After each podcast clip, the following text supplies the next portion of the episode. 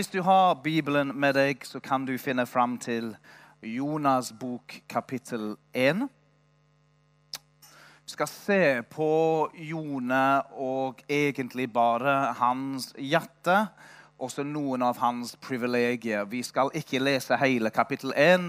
De aller, aller fleste har helt sikkert hørt mange prekener fra Jonas' bok. Så vi leser ikke det hele, men vi skal lese fra vers 1 til og med vers 9 i Jesu navn. Så hvis du har funnet fram, så begynner jeg å lese. Herrens ord kom til Jonah, Amitais sønn, og det lød slik. Bryt opp, gå til Ninneve, den store byen, og forkynn ut over den, for deres ondskap har steget opp for mitt ansikt. Men Jonah brøt opp for å flykte til Tarsis, bort fra Herrens ansikt. Han dro ned til Joppa og fant et skip som skulle seile til Tarsis. Så betalte han hva det kostet, og gikk om bord i skipet for å reise med dem til Tarsis, bort fra Herrens ansikt. Men Herren sendte en sterk vind over havet, og det ble en kraftig storm på havet, så skipet sto i fare for å bli knust. Og Da ble sjømennene redde. Hver mann ropte til sin gud, og lasten som var om bord på skipet, kastet de på sjøen og lette det for vekten av den. Men Jonah hadde gått nederst i skipet, og da la han seg ned og sov tungt. Da kom kapteinen bort til ham og sa, 'Hva er det med deg som sover så tungt?' 'Stå opp og rop til din Gud. Kanskje din Gud vil huske på oss, så vi ikke skal gå til grunne.' Og De sa til hverandre, 'Kom, la oss kaste lodd, slik at vi kan finne ut hvem som er skyld i at denne onde ulykken er kommet over oss.' Så kastet de lodd, og lå det fall på Jone. Og de sa til ham, 'Vi ber deg, fortell oss hvem som har skyld i denne onde ulykken er over oss.' 'Og hva er ditt oppdrag? Og hvor kommer du fra? Hva er ditt hjemland, og fra hvilket folk kommer du?' Og så sa han til dem, 'Jeg er en hebreer.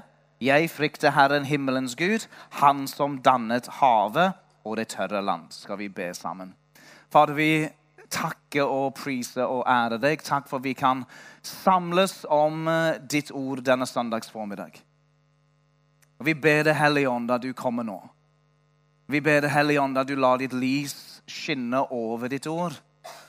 Og Vi ber sånn som vi leser i Apostlenes gjerninger, at det er mange lamper der i salen. Vi ber om åpenbaringer. Vi ber at du berører våre hjerter. Vi ber at du kommer med frihet. Vi ber at du lar ditt lys skinne på de stiene som den enkelte går på, Herre Jesus. Ditt ord er en likt på min sti. Ditt ord er et sverd som setter meg fri. Ditt ord er brød som mater min sjel. Og det ber vi om denne søndags formiddag, at alle som er her, skal forlate huset og kjenne at de har fått mat for sin sjel. At du, Jesus, at du har berørt og at du har talt. Dette ber vi om i Jesu Kristi navn. Amen. Kristne er sauer, kirke er flokke. Kristne er sauer. Trenger ikke lage noe lyd. Kristne er sauer. Kirke er flokke. Vi kan lese om Jesus i Matteus kapittel 9. Så ser Jesus på en folkemengde, og så står det at han fikk inderlig medlidenhet med dem. For de var som et folk, en flokk, uten hyrde.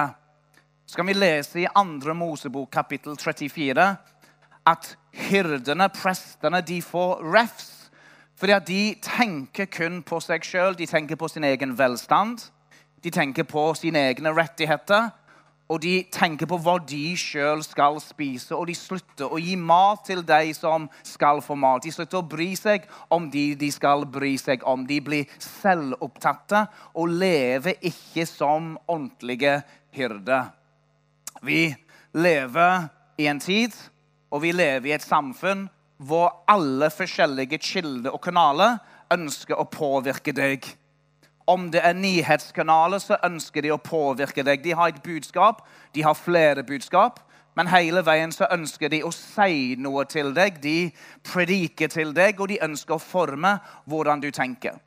Vi har politikere som har akkurat den samme agenda. De ønsker å påvirke, de ønsker å si noen budskap til deg, forme hvem du er, forme beslutningene som du tar og gjør deg til noe som de syns er viktige og riktige. Og så har vi utdanningssamfunnet vårt. Vi har høyskole, vi har skole som også ønsker å forme og prege og påvirke gjennom lærebøker og gjennom forskjellige forståelser. Vi har kanaler og mennesker og kilder som stadig ønsker å si noe til deg og forkynne til deg. Men vi har lyst til å bare begynne med å si at det må være ett sted i ditt liv. Du må ha et sted i din familie hvor du vet at du vet at når du kommer der, så vil du få 'Så sier Herren'. Du må ha et sted som ikke ønsker å formidle nyheter til deg. Du må ha et sted som ikke ønsker å bli en kommentar om kulturendringer. Men du må ha et sted i ditt liv hvor du kommer. Og når du kommer her, så vet du at her vil du få 'Så sier Herren'. Her vil du få Guds ord. Og hva er hirdenes hovedoppdrag, og hva er hirdenes hovedkall? Ja, Det er ikke lett å slåss verken med barn eller med dyr. Det er omtrent umulig. Har du en hund i en kirke, da må du gi deg med en gang. Og har du et barn som skriker, da er det veldig vanskelig. Men det var jo fint at det ble litt rolig nå. Er ikke sånn fint, men det var jo fint. Må gjerne være, men det var jo fint. det må være et sted i ditt liv hvor du vet at når jeg kommer her, da vil jeg høre fra himmelen. Det fins mange nyhetskanaler som ønsker å si noe til deg, men jeg kan love deg at det er ikke himmelens kanal. Vi må ha et sted i vårt liv hvor vi er koblet til himmelens kanal, og vi får nyhetene direkte fra tronen, hvor vi får de gode nyhetene fra himmelen. Så sier Herren. Amen. Og det får du her. Og Det er derfor jeg mener fortsatt at den viktigste stedet i mitt liv og det viktigste stedet i ditt liv og Det er mange viktige steder, men det viktigste stedet i ditt liv det er fortsatt kirken. For hvis det du betaler, sier noe om verdien i noe, så tror jeg at vi kan slå ganske fast hva var det Jesus betalte med for å kjøpe kirken. Ja, det sier Bibelen sjøl. I Apostelens gjerninger 20 så står det, det at Jesus kjøpte kirken med sitt eget blod. Sånn at du kan betale millioner for ei hytte, og du kan kjøpe deg en flott Tesla. Du kan ha deg den nydeligste båten, og det koster deg noe. Men jeg garanterer deg at det er ikke like verdifullt som Jesus sitt eget blod. Og Bibelen sier sjøl at Jesus kjøpte dette. Og tenk det er ikke rare greier. ikke sant? Med menneskelige øyne. Er, vi, er ikke, vi, er ikke, vi, er ikke, så veldig. ikke sant? Det er, det bygg og det er stol, og vi vi er, enkle mennesker alle sammen her. ikke sant? Vi samles og vi synger noen sanger, og vi tar fram et brød, og vi deler noen begre ut, og vi, vi synger så godt vi kan med det, med, med det vi har. Og dette kjøpte Jesus med sitt eget blod. Og iblant er det lett å bare se det vi ser med våre egne øyne, og nedvurdere litt. Ja, det er jo fint, men det er mange ting som er fint, og jeg har litt andre ting som jeg fokuserer nå på. Men jeg har lyst til å bare minne oss alle sammen om, når vi begynner i vers 1, at Jesus kjøpte dette med sitt eget blod. Det gjør jo at når jeg tenker på Kirken, så endres hele verdisettet mitt og forståelsen av hva dette er på noe. Ja.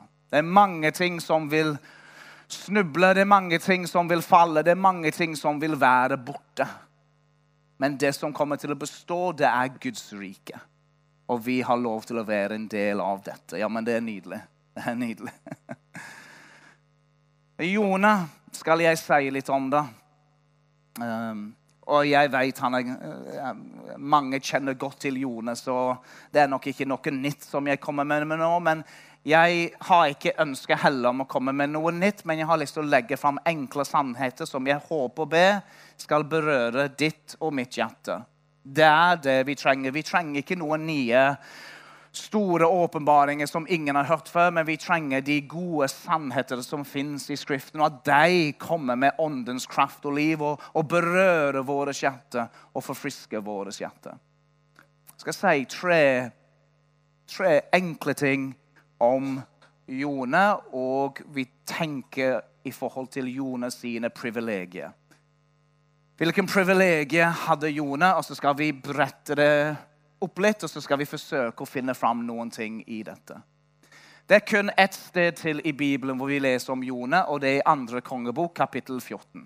Vi har Jonas' bok, og så har vi ett vers til, ett sted til. Men den er ganske nyttig, fordi den plasserer Jone inn i en kontekst og inn i en tid. Da vet vi at han var i den samme tidsperioden som profetene, som Elias, som Elisha. Og Da vet vi at han var i en tid som ikke var egentlig så veldig mørk, men det var en tid av gjennombrudd, det var en tid av vekkelse, det var en tid av tegn og under. Det var en tid hvor Gud bevegde seg, og i den tiden, det er Jonah. Og så vet vi om Jonah at han var også en profet. Og vi vet at det står da om Jonas sin tjeneste at det han profeterte og Det er egentlig kun én profeti vi kjenner til, at den var sann at det skjedde. Og den hadde store konsekvenser for Israel på den tiden. Det gjorde at de vant en seier. Men det sier noen ting om Jone, og det plasserer han i en kontekst og i en tid. Så hva er den første privilegiet som vi kan si litt om i forhold til Jone? Jo, vi kan si at det var et privilegium at han ble valgt av Gud. Det var et privilegium at Jone blant mange, blant alle, at han var en av de menneskene som talte med Gud, og Gud talte til han. At Guds ånd var over Jonas sitt liv, at han er far til Guds nærvær, han er far til Guds kraft.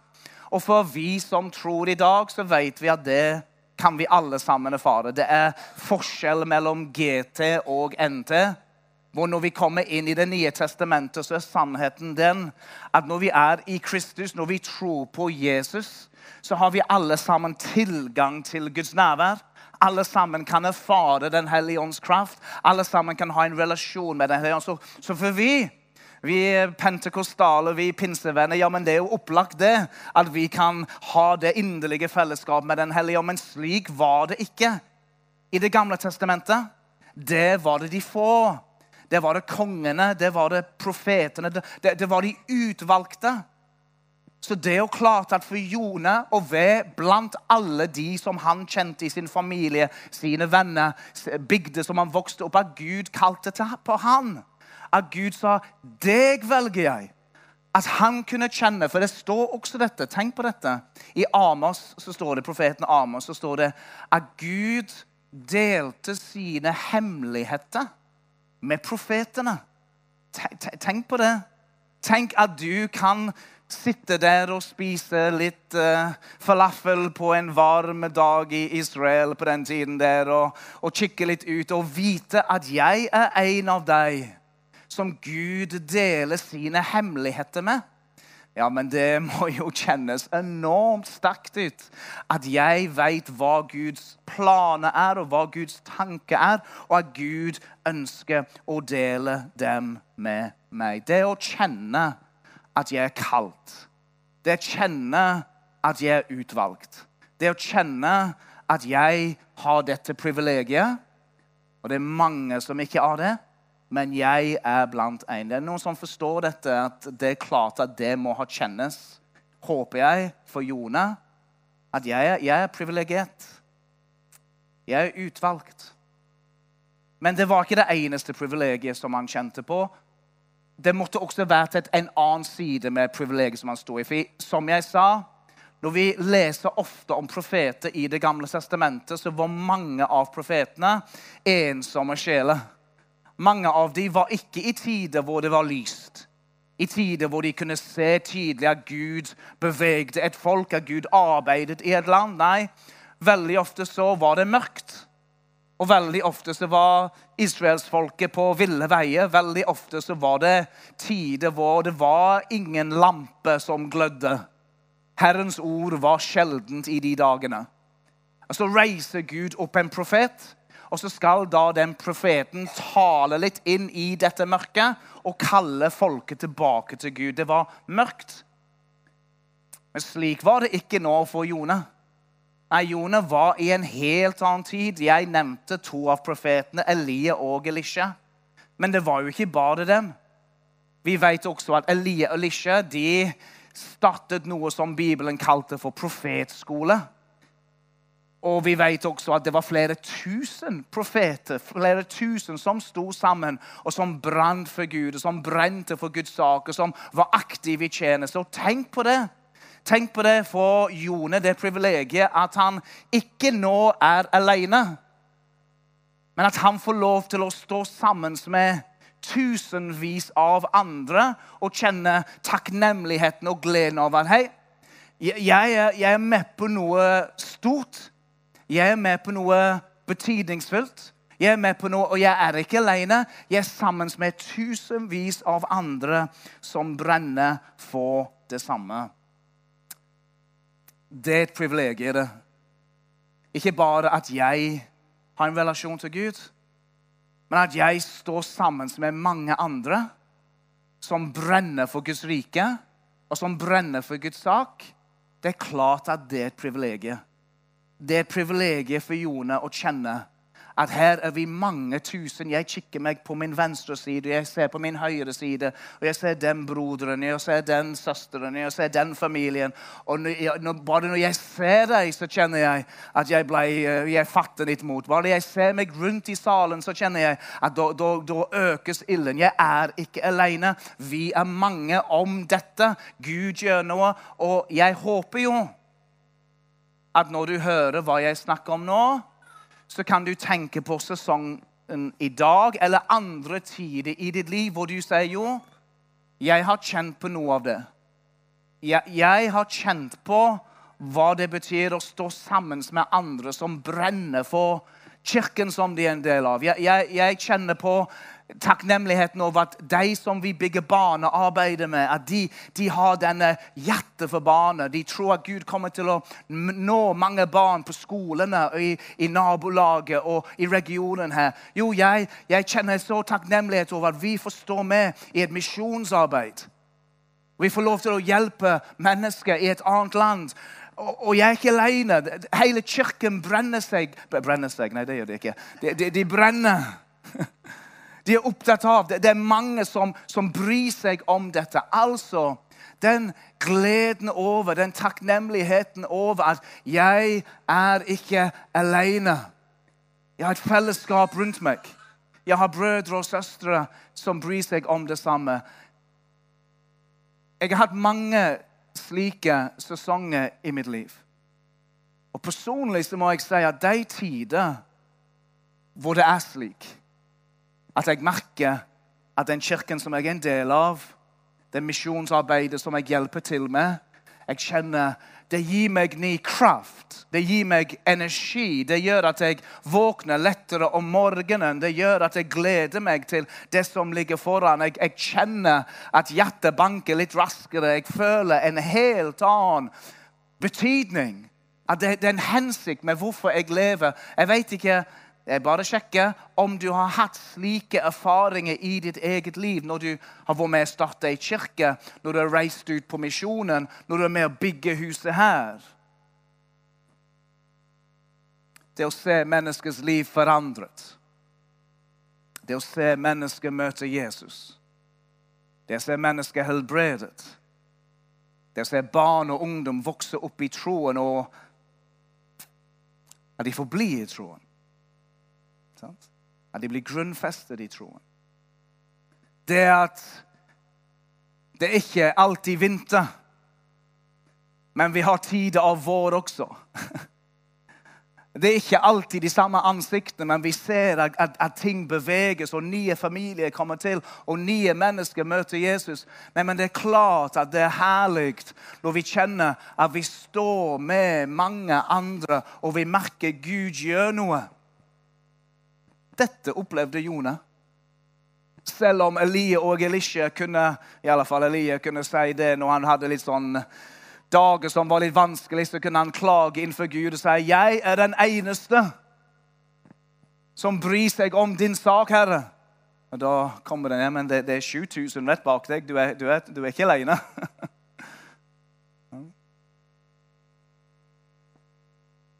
det er klart at han, hadde dette privilegiet med å høre Guds røst, og fare Guds ånd over sitt liv, og at det han sa, det stemte. Bekreftelse på sin tjeneste. men også det, det privilegiet at han er ikke alene. Det er mange med. Og hvilken betydningsfull opplevelse det er å kjenne at det jeg gjør, betyr noe. At det vi gjør sammen, det berører menneskers liv. At, at, det vi sier og det vi bruker av vår energi og våre krefter, det gjør at mennesker kommer nærmere Jesus Kristus. Ja, men det er klart at det må jo vært en enorm privilegium for Jone å kjenne på. Og når Jone kjente på dette, og det sies det at Det er viktig uansett å være trofast i alle sesonger, også når det er vinter. Men det er herlig når det er vår. Jammen, altså. Det er, det er lang, altså vinter, vår i Norge føles egentlig ut som vinter, tror jeg. Det er jo ikke langt under. Endelig kommer det litt varmegrader snart, får vi håpe. Men uansett sesong en kirke er i, og du står i sjøl og du kjenner ja, men det, det, det kjennes ut som vinter. Det, det, er ikke mye som, skje, som, skjer, og jeg kjenner det. Jeg har hatt andre tider hvor det virkelig har hatt fatt over seg, og jeg har sett Gud har brukt meg, men nå er det litt mer rolig. Ja, det er viktig å være trofast da. Men det er herlig at det er litt frukt også. er Det ikke det? Det skal være jordbær etterpå. Så det er herlig med litt frukt etterpå. Ja. Det er viktig. Man må være trofast.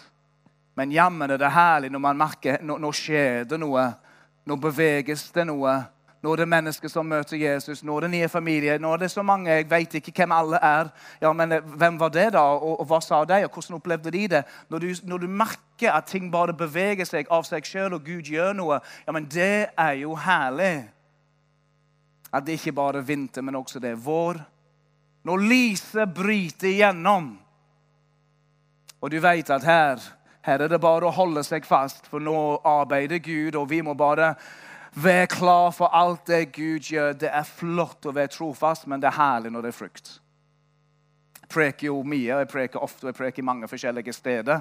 Og Jeg preker så mange steder, og så ofte i de stedene, at iblant så glemmer jeg hva jeg har prekt i den kirken, og hva jeg ikke prekt, og hva bør jeg holde meg unna. Det, det er ikke alltid like enkelt.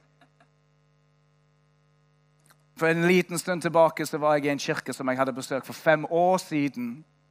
Um, på et kveldsmøte. og Så ba de meg å komme tilbake, så var jeg innom og, og prekte på et kveldsmøte. Og jeg visste det er så lenge siden. Det trenger jeg ikke tenke på. Så jeg prekte et eller annet, jeg husker ikke hva det var, men det ble et fint møte. Og så var det jo en person da som så meg, og det virker som han kjente meg litt. Jeg gjenkjente ikke han, men han kom rett bort til meg på slutten av møtet kom bort til meg og så sier han, du, jeg, jeg, jeg må snakke med deg. Og så, ja, men så hyggelig, da. Så koselig. Og, ja, du, um, når du var her sist Og da tenkte jeg oi, er vi der?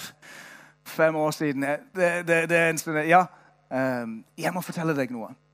Eh, den prekenen som du hadde da, det snudde litt på retningen av mitt liv. Jeg var på vei dit, og han fortalte noen detaljer og ja, eh, og så videre. Og så, og så sier han, men, men det du sa da det skrev jeg ned. Og jeg tenkte på den preken fra universitetet, og jeg tenkte det var en dårlig preken. Det var ikke noe å skrive hjem om. Men det er utrolig. Gud kan ta det som vi iblant tenker ikke er noe. Gud tar det, Og så sier han at 'jeg var på vei der, og nå er jeg her'. Og nå har dette skjedd i mitt liv, og Gud har gjort dette. Og Gud har gjort dette. Og det er slik at selv om du kan være mange steder og preke, så det er ikke alltid du får tilbakemelding. Det er ikke alltid du hører hvordan det gikk. Så det var liksom veldig godt å oppleve at den personen kom og liksom ga en så konkret og en så flott tilbakemelding i vitnesbyrd om hva det hadde betydd. At jeg hadde satt av en kveld, kjørt ut på Jæren et eller annet sted og prekt et budskap som jeg tenkte ikke var noe egentlig å høre på. Håper de ikke har det på podkast. Men Gud hadde tatt det. Sant? Gud hadde tatt det budskap, og det hadde betydd noe. Ja, det ble til velsignelse. Jeg tar det fra mitt eget liv. Det er jo dette jeg holder mest på med. Men du kan ta en sånn tanke hvor godt det er å oppleve at når du by på deg sjøl med de gaver Gud har gitt deg. Når du sier 'jeg er tilgjengelig og jeg kan hjelpe til med barn', 'jeg kan hjelpe med ungdom', 'jeg kan synge en sang', 'jeg, jeg kan stå i dørene', 'jeg kan engasjere meg i misjon', og du merker at det er til velsignelse, at det hjelper noen, at mennesker blir glade av det du gjør og det du betyr. Denne opplevelsen, denne hadde Jone. Han var privilegert. Han hørte fra himmelen, og han var privilegert fordi han sto ikke alene. Han sto med mange. Og han var privilegert i den forstand at han, Gud, Gud brukte han da. Han trengte ikke se tilbake igjen på fem år tilbake, ti år tilbake, 15 år tilbake. Måte, jo, I regnskapet mitt for 1990, da, da var det flott, det.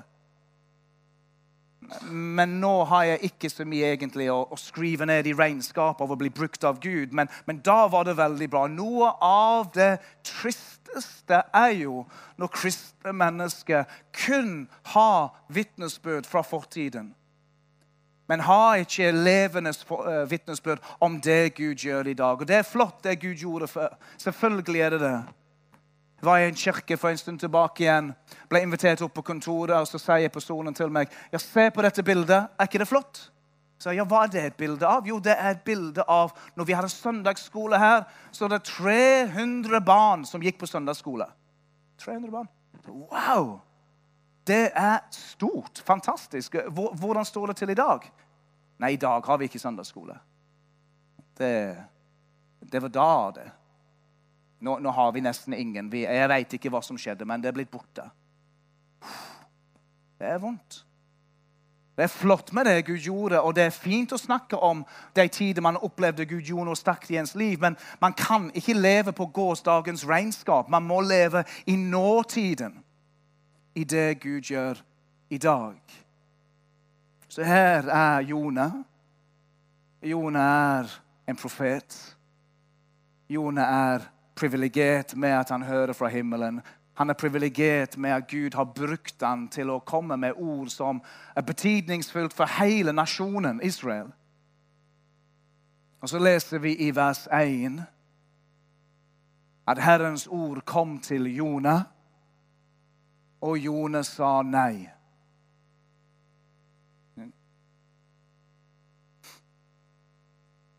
Så det kan vi la bare synke litt. Denne mannen som jeg akkurat beskrevet. Denne mannen som var av de få, utvalgt av Gud, hørte Guds hemmeligheter, sto med tusenvis av andre mennesker og påvirket en hel nasjon for Guds rike. Når Herrens ord kom til Jone, så sier Jone nei. Og hva sier det om hans hjerte? Og hva sier det også til oss. Hva kan vi tenke når vi tenker på en slik setning, en slik valg som denne profeten gjør, hvor profetens hjerte er på et sted hvor han er i stand til å si nei til Guds kall, nei til Guds ord, nei til Guds stemme, nei til Guds ledelse. Hva har skjedd med hans hjerte, og hvor er hans hjerte? Det er jo veldig flott at vi har Jonas' bok. Hvem skrev Jonas' bok? Ja, det sies det litt forskjellige om. Men at Jonas sjøl delte detaljer fra sin historie, det er det ikke tvil om. Det er ikke mulig å skrive denne boken hvis ikke du sitter sammen med Jonas. Jeg vet ikke, men at om Jonas da var en gammel mann og han hadde lyst til å gi fra seg fortellingen sin. Passe på at det ble skrevet ned av noen. For detaljene fra samtalene, detaljene fra båten, de, de, de egne erfaringene som Jone beskriver her, ja, men da må jo Jone sjøl ha vært i bildet. Litt som Lukas, som snakket med øyenvitnene og skrev ned. Ja, jeg er sikker på at Jone satt ned med en skribent og Hør nå. Jeg må fortelle deg noe fra en erfaring jeg hadde med Gud. Hvordan Gud brukte meg, og hvordan mitt hjerte ble ulydig. Hvor jeg ikke sa ja, men jeg sa nei til Herren.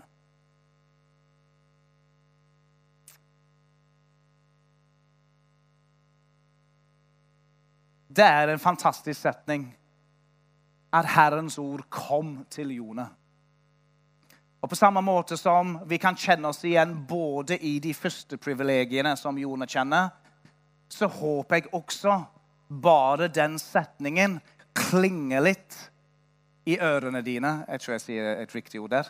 Eh, at det ringer litt, klinger litt. Jo, det er fint. At det, at, det treffer noe når jeg sier det. At Herrens ord, det kom til Jone. Og det betyr at her er det ikke bare på en måte å lese gjennom noen kapitler. Det var jo fint. Men Herrens ord kom. Det handler om kraft. Det handler om tydelighet.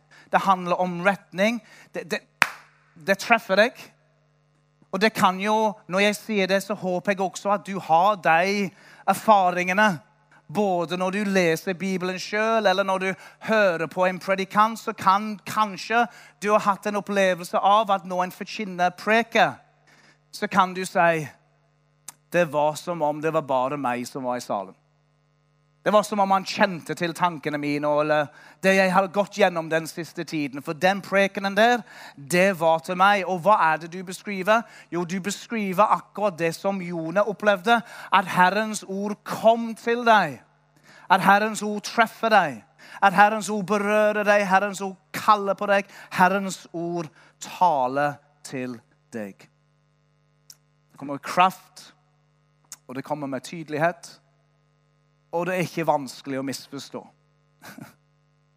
Iblant så kan vi gjøre Bibelen litt mer vanskelig enn det der. Vi kan lese et ord, vi kan høre en preken, og så kan med en gang vi kjenne at det treffer oss.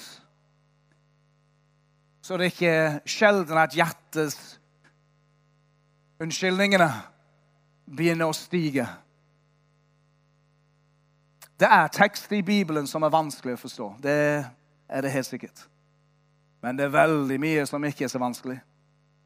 Det, jeg vil nesten si hovedparten er ikke så vanskelig. Når Bibelens ord kommer til meg og sier 'følg meg' Ja, det er ikke vanskelig, det. Ta opp korset ditt og følg meg. Gled deg i Herren alltid. Igjen vil jeg si gled deg. Det er ikke vanskelig når vi treffer disse ordene, men det er ikke alltid at vi liker det når ordet kommer med kraft. For jeg har opplevd at ofte når Herrens ord kommer med kraft, da treffer det området i mitt hjerte hvor det er litt ubehagelig. Er det noen andre som har litt erfaringer med det? Det er veldig fint å høre prekene som er snille og greie. Bare kjekke ting, liksom. Det er fint. Men jeg har en erfaring av at, at, ofte når Herrens ord kommer med tydelighet og med kraft, slik som også for Jone her, så treffer det gjerne områder i mitt hjerte som ikke er der de skal være. Områder i mitt hjerte som tenderer, tenderer mot å si nei. Eller som har blitt lunken. Eller som har trukket seg tilbake, eller som er blitt selvopptatte. Ja, Vi kan jo se på Jone og tenke Jone, det der, det hadde jeg aldri gjort. Tenk at han kunne vært sånn slik ordentlig pinsevenn. Fylt av Guds ånd, talte profetiske ord, brukt mektig av Herren. Og så går han liksom og sier nei til Gud når Gud ber ham å være med på en vekkelsesreise til Niniva. Har du hørt? Nei, det der, det har jeg aldri gjort. Ja, sånn leste ikke jeg det. Kjente meg veldig igjen når jeg leser Jon. Og jeg trenger ikke gå nesten en dag hvor jeg opplever det, det er ting som Herrens ord kaller meg til, eller innskytelse iblant jeg får, som jeg vet egentlig kommer fra Gud. Gå og snakk med den. Trekk deg tilbake og be. Gi dette. Så har jeg en slående tendens til å si ja når det er behagelig, men når det er smertefullt, så har mitt hjerte en tendens til å Kan ikke vi ta det i morgen, da? Jeg har jo litt tid på dette. Ja, vi trenger ikke å se ned på Jone. Og vi trenger ikke å tenke at Jone er så ulike oss sjøl. Jeg vil anta, hvis vi er litt ærlige, at vi kan alle sammen kjenne oss litt igjen i Jonas sin reaksjon og i Jonas sin respons akkurat her.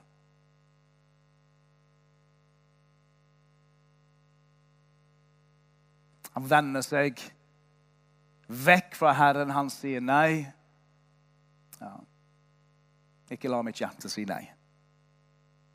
Ikke la meg være en mann som sier nei når Herren sier gå. Ikke la meg oss være en familie som sier nei når Herren sier her.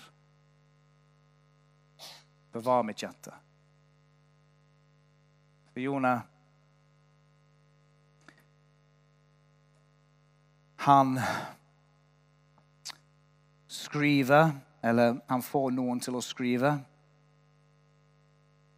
at Herrens ord kom til ham. Han brøt opp, og så står det og, og, og det er her du ser at Jonas sitt hjerte er ikke på et godt sted. Og jeg, jeg tror han er veldig ærlig når han sier dette. At, at Jonas sprang fra Herrens ansikt. engelsk bibel så står det at han sprang fra Herrens nærvær. Men han er jo en profet. Han kan salmene. Han har helt sikkert sunget Salme 139. Hvor kan jeg gå fra din ånd? Stiger jeg opp til himmelen, så er du der. Farer jeg ned i avgrunnen, så er du der. Legger jeg meg, så er du der. Går jeg, så er du der. Er jeg i bilen min, så er du der. Er jeg på hytta, så er du der. Du er overalt allikevel. Så tror profeten at han kan springe vekk fra Guds nærvær. Springe vekk fra Herrens ansikt. Beskrive hans hjerte det beskriver at hans hjerte er ikke i takt med Guds hjerte lenger. Og at han sjøl har blitt bedratt til å tro på ting som han ikke skal tro på. Jeg vet jeg snakker lenge, så jeg skal forsøke å runde av. Ta et to siste korte poeng. Han springer ned, og han reiser vekk, og han tror han holder seg under Gud. Han skulle til Nineve. Han reiser til Joppa. Og Nå vil han vekk, og han vil så langt vekk som mulig. Han ønsker å komme seg til Tarsis. Når han kommer til Tarsis, så må han finne en båt, og han må finne noen som han kan være på båten med, og komme seg langt vekk. Og her tror jeg er det hvor Jone var, og jeg tror Jone tenkte slik. Når vårt hjerte vandrer så finner vi bekreftelse der hvor bekreftelse ikke fins. Han er ved havneporten, og han trenger å finne en båt. Han vet hva Gud har sagt, og likevel går han en annen vei. Han sier nei til Gud, og så går han rundt og så ser han skipper og han ser sjøfolk. og Han ser en skipper som sitter ned og prater med noen, så han går rett bort til han, og så begynner han å prate med han. Du, jeg, jeg eh, trenger Skyss, jeg skal til Tarsis. Eh, kjenner du noen båt som skal i den retningen der? Ja, Det var underlig at du kom akkurat til oss, for det er jo mange du kunne kommet til. Men vi, vi skal faktisk til Tarsis i kveld, vi. Så hvis du betaler, så kan du komme rett på båten her, og du kan være med. Underlige saker. Hva tror du Jone tenkte da? Da tror jeg Jone tenkte Ja, men det her er jo ferdiglagte gjerninger. Å, takk, Gud, for at du skjønte meg. Takk, Gud, for at du vet at jeg var ikke skapt til å reise til Nineva. Takk at du skjønte at det, det var, Jeg sa det jo til deg, tross alt, Gud. Du vet jo hva jeg følte i forhold til dette. Jeg vet at du liksom eh, vil at jeg skulle det, men kanskje du ikke kjenner meg slik du burde kjenne meg. For jeg følte for noe helt annet enn det du sier jeg skal gjøre. Det er rart, det. Når hjertet vandrer fra Gud, så finner vi bekreftelse der hvor bekreftelse ikke fins. Vi finner bekreftelse i våre følelser. Og hvor mange ganger jeg sjøl har hørt når jeg snakker med mennesker Hvordan kan det være feil når jeg føler at det er så rett? Eller man befinner bekreftelse fra venner eller kjente. Man vet hva Guds ord sier, man vet hva man har hørt gjennom forkynnelse. Man vet hva som er sant, men allikevel finner man en eller annen til og med en eller annen predikant på YouTube som bekrefter det ens hjerte ønsker å gjøre. Man springer vekk fra Herrens åsyn, men man finner alltid noen som vil være enig med deg, og som bekrefter. Du finner bekreftelse selv om bekreftelse ikke fins. Og det er jo det Jone gjør her.